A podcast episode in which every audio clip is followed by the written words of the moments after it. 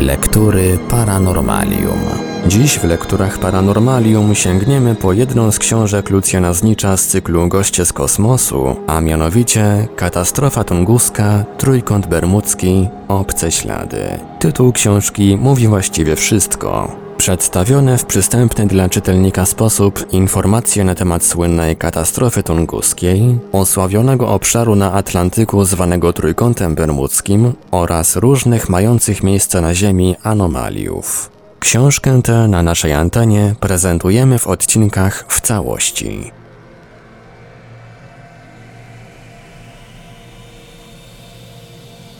Od supermaterii do antymaterii. No cóż, skoro nie można obarczyć odpowiedzialnością za tajemniczy wybuch w dniu 30 czerwca 1908 roku w głębi tajgi syberyjskiej żadnego ze znanych nam ciał niebieskich, pozostaje tylko oskarżyć o to bliżej nieuformowaną materię. I rzeczywiście, istnieje cała obszerna grupa hipotez dotyczących tej materii. Zaczyna ją, choć nie w sensie chronologicznym, opublikowana w roku 1966 sugestia, iż katastrofę tę wywołał odłamek substancji superzwartego karła. Astronomowie odkryli szereg gwiazd, które przy masie porównywalnej z naszym Słońcem mają średnicę rzędu dziesiątków kilometrów. Aby w jakikolwiek sposób wytłumaczyć tak wielką koncentrację materii, zakłada się, iż atomy wszystkich pierwiastków wchodzących w skład takiego superkarła pozbawione zostały swojej otoczki elektronowej i składają się z samych jąder. Gdyby przypuszczenia nasze co do budowy tych gwiazd neutronowych okazały się prawdziwe, gdyby gwiazda taka uległa z jakiegoś powodu rozbiciu, gdyby maleńki jej odłamek, średnicy kilku centymetrów, Przeleciał szczęśliwie niezmierzone przestrzenie wszechświata i gdyby w końcu trafił w Ziemię, rzeczywiście mógłby wywołać spustoszenie porównywalne z katastrofą tunguską. Tylko, jak dla wiarygodnej hipotezy, czy nie za dużo tych gdyby? W poszukiwaniu innych, mniej nieprawdopodobnych tłumaczeń, astronomowie radzieccy Płechanow i Wasiliew wysunęli hipotezę zdarzenia się Ziemi z obłokiem pyłu kosmicznego. W roku 1968 koncepcję tę sprawdzała powołana specjalnie do tego celu Komisja Naukowców Syberyjskich i również ona doszła do wniosku, iż już od 22 czerwca 1908 roku Ziemia prawdopodobnie przechodziła przez gigantyczny obłok kosmiczny, którego bardziej masywna i gęsta część a, mogła wywołać 30 czerwca wybuch tunguski. Największy jednak oddźwięk wywołała hipoteza wysunięta jeszcze w 1941 roku przez amerykańskiego specjalistę z dziedziny meteorytyki La Paza, iż katastrofa tunguska wywołana została wtargnięciem do naszej atmosfery skupiska antymaterii. Hipotezę tę poparł w 1958 roku na posiedzeniu brytyjskiego Towarzystwa Astronomicznego naukowiec angielski Bondi, a w roku 1965 przyłączyli się do niego na łamach Nature uczeni amerykańscy tajmiary, co profesor Artillery oraz dwaj laureaci Nagrody Nobla, profesor Cohen i profesor Libby. Rozpatrując wszystkie możliwe naturalne sposoby wyzwolenia olbrzymiej ilości energii jądrowej, nieuchronnie dojdziemy do możliwości anihilacji antymaterii z gazami atmosfery.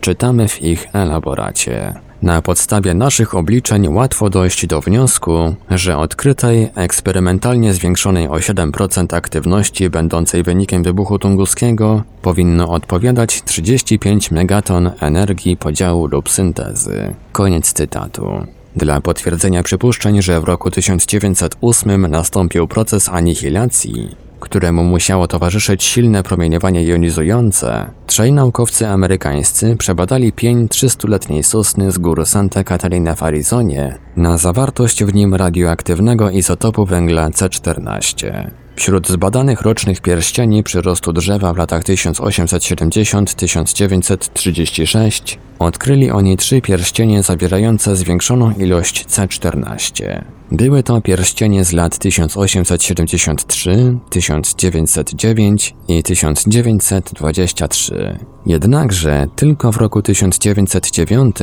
zawartość C14 przekroczyła aż o 1% średnią z 66 badanych lat. Nie powiem wprawdzie, żeby badania amerykańskie prowadziły do jakichś niezbitych konkluzji. Niemniej zjawisko tunguskie jest tak tajemnicze, że hipoteza oparta nawet na tak nikłych podstawach zdobyła sobie szerokie grono zwolenników. W wydanej w 1968 roku pracy Meteorytyka znakomity uczony radziecki, akademik Fiesienkow, główny antagonista tej hipotezy, gromił już, poza naukowcami z zagranicy, także Konstantinowa, Brydowa, Bielawskiego, Sokołowa i wielu innych naukowców radzieckich za tak jednostronne wnioski dotyczące przyczyn katastrofy tunguskiej. No więc, kto ma rację? Ryby ze znakiem minus. Legenda głosi, że znakomity angielski fizyk Paul Dirac wpadł na pomysł antymaterii zaledwie pół wieku temu podczas zorganizowanego w Cambridge jakiegoś matematycznego konkursu. Uczestnikom jego dano wówczas do rozwiązania dowcipne zadanie. Trzej wędkarze na trzech odrębnych stanowiskach łowili ryby przez noc, cały czas wrzucając połów do wspólnej siatki. Gdy nadszedł ranek, pierwszy z nich zdecydował się, nie zawiadamiając innych, iść do domu. Gdy jednak zajrzał do siatki, przekonał się, że liczba ryb będzie tylko wówczas podzielna przez trzy, gdy jedną z nich wyrzuci. Wyrzucił więc jedną rybę do rzeki, wziął swoją część i poszedł.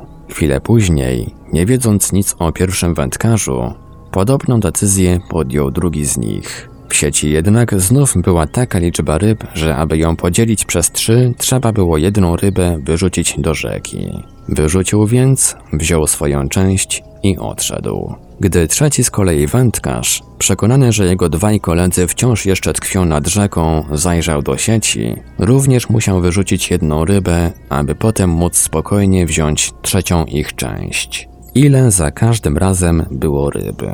Na pytanie to Dirac odpowiedział jednym zdaniem. Za każdym razem w sieci były dwie ryby minusowe. Wystarczyło w tym przypadku wyrzucić jeszcze jedną rybę do rzeki, aby w sieci były minus trzy ryby, które już można było podzielić na trzy równe części. Ale co to za brednie? Ryby minusowe. Dla Diraca jednak, a dziś już i dla przeważającej liczby fizyków, nie były to wcale brednie.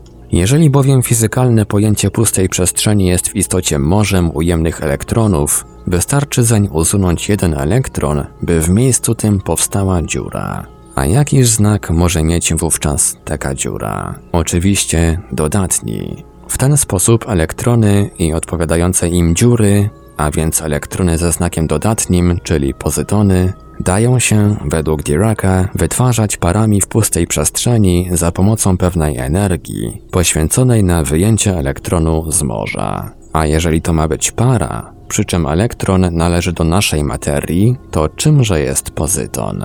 Oczywiście antymaterią. Przy czym mechanizm ten powinien działać także i w stronę przeciwną, Wystarczy połączyć na powrót pozyton z elektronem, by nastąpił proces anihilacji, czyli wydzielenia pewnej energii i powstania pustej przestrzeni. Czy takie jednak ujęcie antymaterii nie wydaje się jeszcze bardziej absurdalne od ujemnych ryb? Trudności budowy antyświata. A jednak w roku 1932 amerykański fizyk Anderson empirycznie stwierdził, że rozważania Diraca nie są wcale absurdem. Na zdjęciach promieniowania kosmicznego odkrył on mianowicie ślady nie tylko elektronów, ale i pozytonów, cząstek identycznych z elektronami, posiadających wszakże odmienny od nich ładunek elektryczny. Odkrycie Andersona powtórzone zostało następnie w olbrzymich akceleratorach, gdzie rozpędza się niektóre cząstki fizyczne do nieprawdopodobnych prędkości i następnie wstrzeliwuje się je w jądra atomowe. I tu uzyskano ślady rozbiegających się w obie strony najmniejszych bliźniaczych cząstek materii i antymaterii, elektronu i pozytonu. W 1955 roku zespół fizyków amerykańskich, stosując opisaną już technikę na akceleratorze w Berkeley w Kalifornii, wyłuskał z naszej materii cząstkę wielekroć masywniejszą od pozytonu antyproton. Następnie udało się połączyć antyproton z protonem i w ten sposób zlikwidować całkowicie cząstkę materii i antymaterii, przekształcając je tylko w promienie gamma. Zaś w roku 1965 zespół fizyków niemieckich na DESY Deutsche Elektronensynchrotron w Hamburgu dokonał eksperymentu odwrotnego. Promieniowanie gamma przekształcił na pary protonów i antyprotonów. Z kolei we wrześniu 1970 roku na Międzynarodowej Konferencji Fizyków Wielkich Energii w Kijowie profesor Prokoszkin zawiadomił, że tym razem fizycy radzieccy za pomocą synchrofazotronu w Sierpuchowie, bombardując protonami jądra glinu, uzyskali jądra antyhelu 3. Antymateria stała się istną ide fix współczesnych fizyków. W chwili, gdy piszę te słowa, na kilku największych akceleratorach świata toczą się uparte boje o stworzenie nowych, jeszcze bardziej masywnych, albo ściślej antymasywnych cząstek antymaterii. Jednak nie jest to sprawa łatwa. Zespół profesora Prokoszkina na przykład musiał wytworzyć aż 200 miliardów różnych cząstek elementarnych, ażeby wśród nich wykryć 5 jąder antyhelu 3. Według obliczeń teoretycznych dla wytworzenia jednego jądra antyhelu 4, a więc składającego się z dwóch antyprotonów i dwóch antyneutronów, akcelerator sierpuchowski musiałby pracować 200 lat. A fizycy z Instytutu Badań Atomowych CERN pod Genewą, prawda, że dysponujący słabszym akceleratorem od sierpuchowskiego, oczywiście w czasie pisania tej książki, twierdzą, iż dla uzyskania jednego grama ich synchrotron musiałby pracować bez przerwy 10 miliardów lat. Jedyną nadzieję w tych warunkach można pokładać w nowych, jeszcze potężniejszych akceleratorach. Synchrofazotron sierpuchowski ma energię 76 miliardów elektronowoltów, ale na początku lat 70. ruszył już w USA akcelerator o energii 400 miliardów elektronowoltów, a w tej chwili toczą się dyskusje na temat budowy akceleratora dysponującego energią 1000 miliardów elektronowoltów. Może dzięki nim uda nam się stworzyć jeszcze kilka ze stu znanych jąder antypierwiastków. Gdy nadzieja staje się grobem. Ale jest jeszcze i druga droga ku antymaterii wielekroć łatwiejsza, a przy tym, kto wie czy nie, bardziej owocna. Zamiast z takim trudem bawić się w bogów i w naszym materialnym, a więc z natury przeciwstawnym świecie tworzyć antymaterię, można przecież poszukiwać jej istnienia w innych, może różnych od naszego światach. I w tej dziedzinie w ostatnich latach mamy bardzo ciekawe osiągnięcia. Po wymienionym już odkryciu przez Andersona w docierających do Ziemi promieniach kosmicznych pozytonu, a więc antyelektronu, w roku 1972 fizycy leningradzcy za pomocą specjalnej aparatury zarejestrowali na wysokości 30 km nad Ziemią 7 cząstek, które uznano za antyprotony. Zaś rok później naukowcy z Moskiewskiego Instytutu imienia Joffego odkryli w kosmosie jądra antylitu. A więc nie tylko człowiek potrafi sztucznie tę antymaterię wytworzyć, ale gdzieś w kosmosie w naturalny sposób powstaje ona sama. A może nawet nie powstaje, może od dawna istnieje. Myśl ludzka nie potrzebuje dla swego rozpędu kosztownych akceleratorów, dosłownie przyspieszaczy. Dzięki tym kilku odkryciom kosmicznym pomknęła już niepowstrzymanie ku dalekim gwiazdom, galaktykom, ba, nawet odrębnym światom. Od kilku lat jedną z największych zagadek astrofizyki są niby gwiazdy, kwazary, obiekty kosmiczne stosunkowo małe, a emitujące energię większą od niejednej galaktyki. Skąd ta energia się na nich bierze? Odpowiedź teraz staje się prosta. Jest to wynik anihilacji zatkniętej ze sobą w każdym kwazarze materii i antymaterii. Oczywiście, jeśli istnieją gwiazdy złożone z antymaterii, to niewątpliwie muszą także istnieć złożone z takich gwiazd całe antygalaktyki. Tak wykształciła się stopniowo elegancka teoria bliźniaczego podziału całego wszechświata na materię i antymaterię. Twierdzi ona, że już w chwili tak zwanego pierwszego wybuchu, który rozpoczął trwającą do dziś ewolucję wszechświata, powstały równe ilości materii i antymaterii, równolegle odtąd rozwijające się. Tak więc naszemu światu materialnemu złożonemu z atomów, w których jądra są dodatnie, a elektrony ujemne, odpowiada identyczny świat antymaterialny, w którym jądra atomów są ujemne, a elektrony dodatnie ponieważ zatknięcie się obu tych światów musiałoby nieodmiennie doprowadzić do powszechnej i natychmiastowej anihilacji, a tymczasem świat, przynajmniej nasz, mimo takiej groźby wciąż istnieje już od dobrych kilku, a może nawet kilkunastu miliardów lat. W roku 1966 szwedzki fizyk Alfen założył rozgraniczenie obu światów przez swego rodzaju cienką błonę. Podobnie jak kropla wody na gorącej płycie kuchennej chroniona jest przez izolacyjną warstewkę pary przed natychmiastowym wygotowaniem, jest to tak zwane zjawisko Leidenfrosta. Tak również podobna cienka warstwa powinna chronić świat materii i antymaterii przed wzajemnym, natychmiastowym zniszczeniem się. Wykorzystał on interesującą analogię. W tej sytuacji, tylko w tej wąskiej strefie międzyświatowej możliwe jest wzajemne unicestwianie się obu rodzajów materii, podczas gdy gwiazdy, galaktyki i obydwa światy pozostają bezpieczne i nienaruszone. Koniec cytatu. Bezpieczne i nienaruszone. Czyżby więc teoria Alfena, na której opiera się przecież hipoteza wybuchu skrawka antymaterii nad syberyjską tajgą, nie tylko hipotezę tę porodziła, ale równocześnie i dobiła? Atak świata, który nie istnieje. No cóż, nie da się ukryć. Czas wreszcie spojrzeć prawdzie w oczy. I to dla zwolenników wybuchu nad podkamienną tunguską antymaterii, prawdzie okrutnej. Cóż z tego, że teoria Alfena tak pięknie uzasadnia istnienie całego świata antymaterii, skoro równocześnie kategorycznie zaprzecza jakiejkolwiek możliwości przebicia się przez warstwę graniczną i dotarcia do Ziemi jakiegoś odłamka antyświata. Ale może nie jest tak źle. Może Ziemia, wbrew naszym przekonaniom o jej stabilności, znajduje się właśnie w tej warstwie granicznej, w której ścieranie się materii i antymaterii jest na porządku dziennym.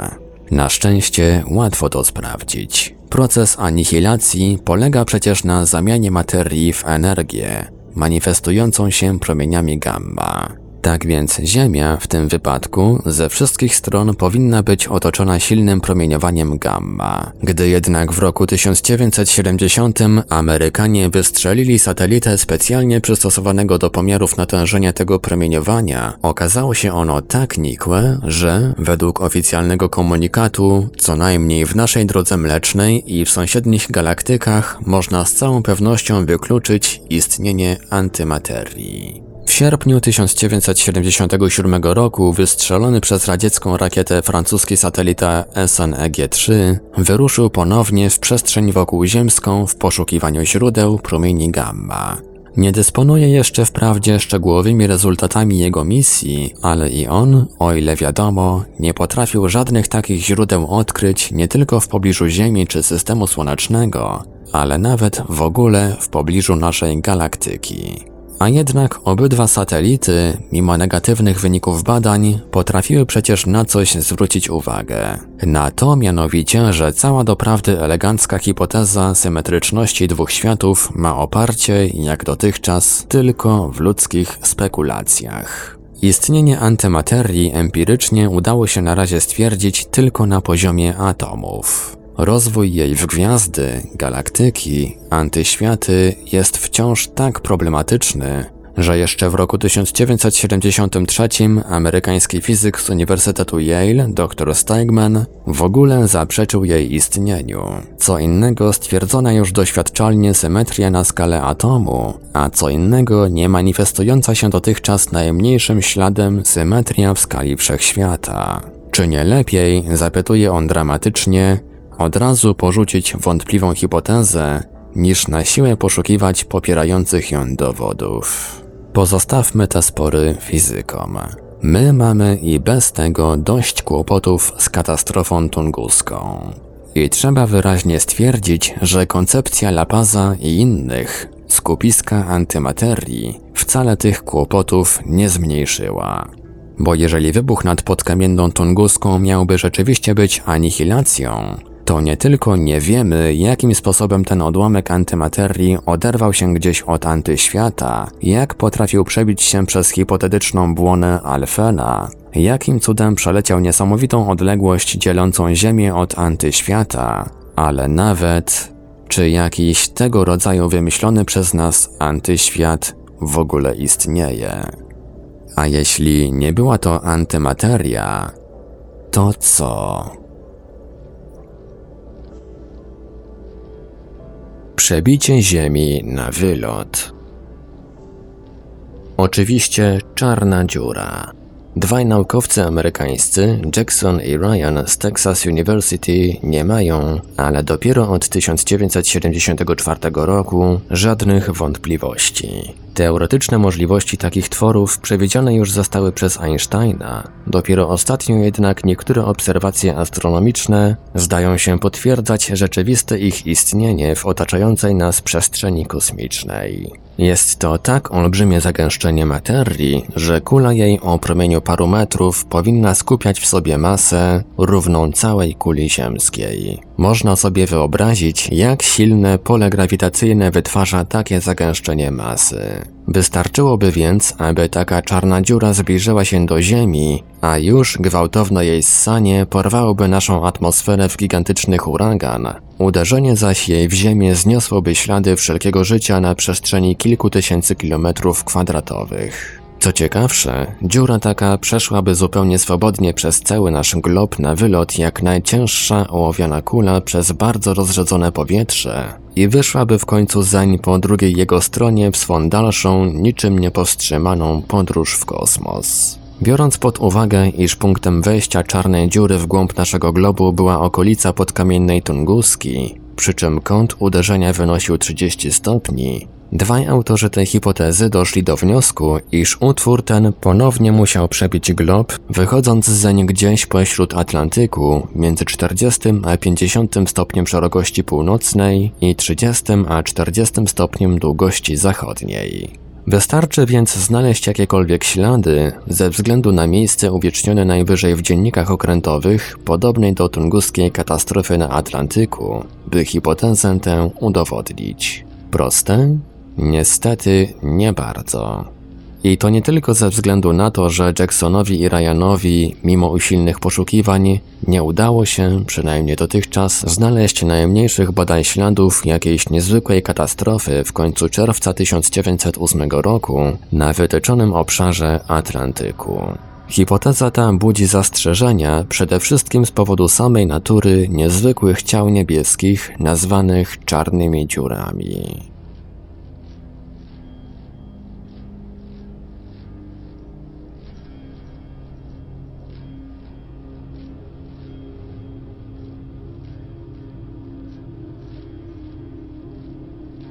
W Radiu Paranormalium zaprezentowaliśmy fragment książki Lucjana Znicza Katastrofa Tunguska, Trójkąt Bermudzki, Obce Ślady. Dalszy ciąg w kolejnym odcinku Lektur Paranormalium. Archiwalne odcinki Lektur Paranormalium znajdziesz do pobrania w archiwum naszego radia na stronie www.paranormalium.pl.